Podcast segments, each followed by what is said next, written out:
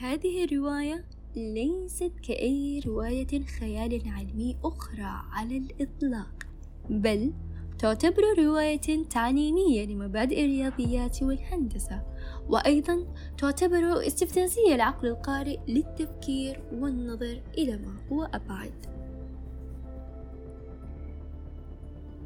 مرحبا بكم في بودكاست نادي الخيال العلمي للقراءة سنقدم لكم اليوم مراجعة لرواية العالم المسطح من تأليف إدوين أبوت.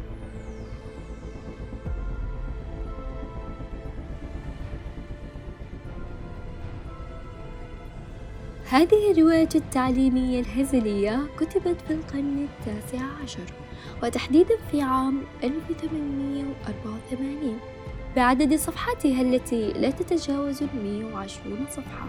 من قبل الكاتب إدوين أبوت الذي كان يعمل حينها كمدير مدرسة وعلى الرغم من أن الرواية تتحدث عن الرياضيات والأشكال الهندسية بشكل جميل جدا وفاتن إلا أن كاتبها لم يكن متخصصا في أي تخصص من هذين التخصصين بل كان متخصصا في علم اللاهوت.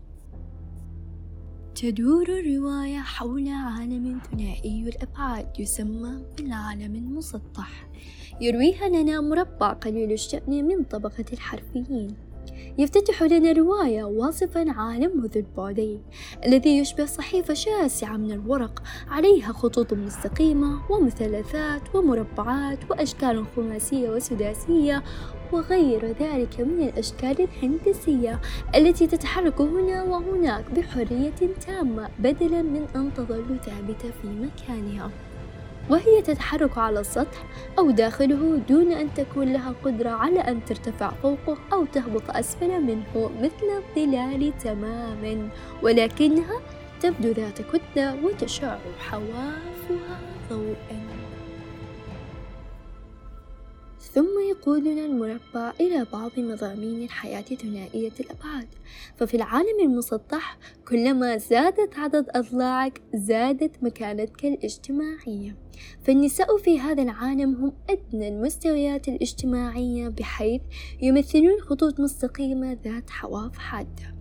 ويليهم في الطبقة المتدنية هم المثلثات متساوية الضلعين وأما الطبقة المتوسطة التي تمثل الجرافيت في المجتمع تشمل المربعات والمثلثات متساوية الأضلاع وما يعلو الطبقة المتوسطة وهي الطبقة الاستقراطية التي تشمل كل من الأشكال السداسية والخماسية والكهنة الذي لا يعرف أحد ما هي أشكالهم الحقيقية. ويليهم الطبقة الحاكمة وهم الدوائر. فالحياة في العالم المسطح ثنائية البعد ليست بالجميلة أبدا. فالدوائر تدير تقريبا كل جانب من جوانب الحياة وتهان المرأة في هذا العالم ولا يحق لهم التعليم. والمثلثات متساوية الضلعين يجندون إجباريا. وإن فعل أحد المثلثات متساوية الضلعين أمرا خاطئا يعدمونهم أما المربعات يسجنونهم والكهنة يحاكمونهم. وبعد أن شرح لنا المربع عالم ثنائي البعد زار المربع عالم أحادي البعد الأرض الخطية في حلمه. وقابل هناك الملك الجاهل الذي يعتقد أنه هو كل الوجود فحاول المربع إقناعه بأن هناك من هو أعلى منه وأن هناك عالم ذو بعدين.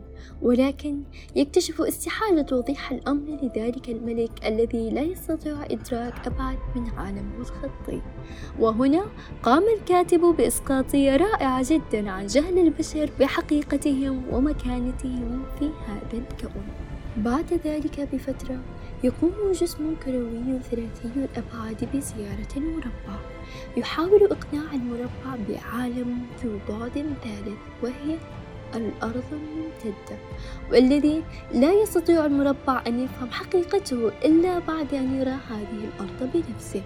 وبعد أن اقتنع المربع بالعالم ذي الثلاثة أبعاد يشتعل بداخله الحماس والرغبة في تعليم سكان العالم المسطح بهذه الأرض. فكما تعلمون يا أعزائي المستمعين أن للعلم زكاة وهي بذله للناس وتعليمهم إياه.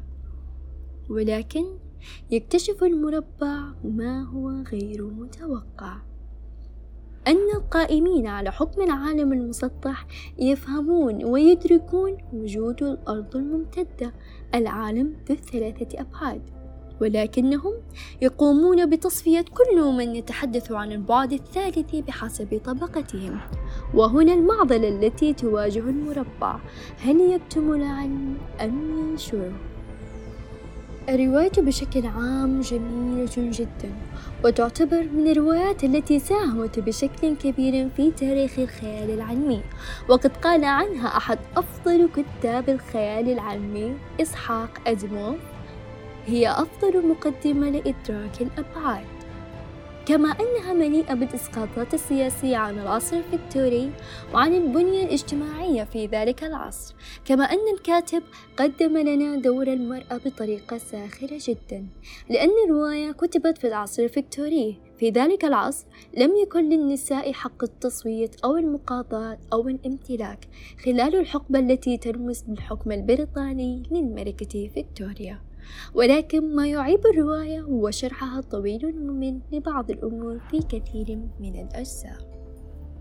وفي النهاية أنصح بقراءة هذه الرواية التي سحرت العلماء والكتاب لكل محبي الرياضيات والهندسة خصوصا. وأنصح أيضا بمشاهدة الفيديو الذي عمله العالم كارل ساجان لشرح الرواية. تجدونه في الوصف. كما أيضا أنصح بمشاهدة الفيلم الموجود في اليوتيوب وسأضعه في الوصف أيضا.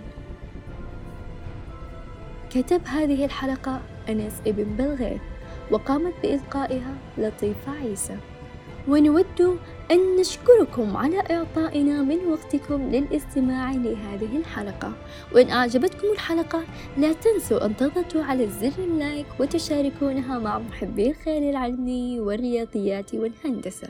وتقيمون البودكاست في منصات البودكاست المختلفة. وإذا كانت لديكم نصائح للتحسين من البودكاست أو اقتراح لمواضيع نتطرق لها ضعها لنا في التعليقات أو أرسلوها لنا عبر حسابنا في التويتر مجتمع الخيال العلمي العربي Arab Sci-Fi A R A B S C I F I. ونلقاكم إن شاء الله في حلقة قادمة وإلى اللقاء.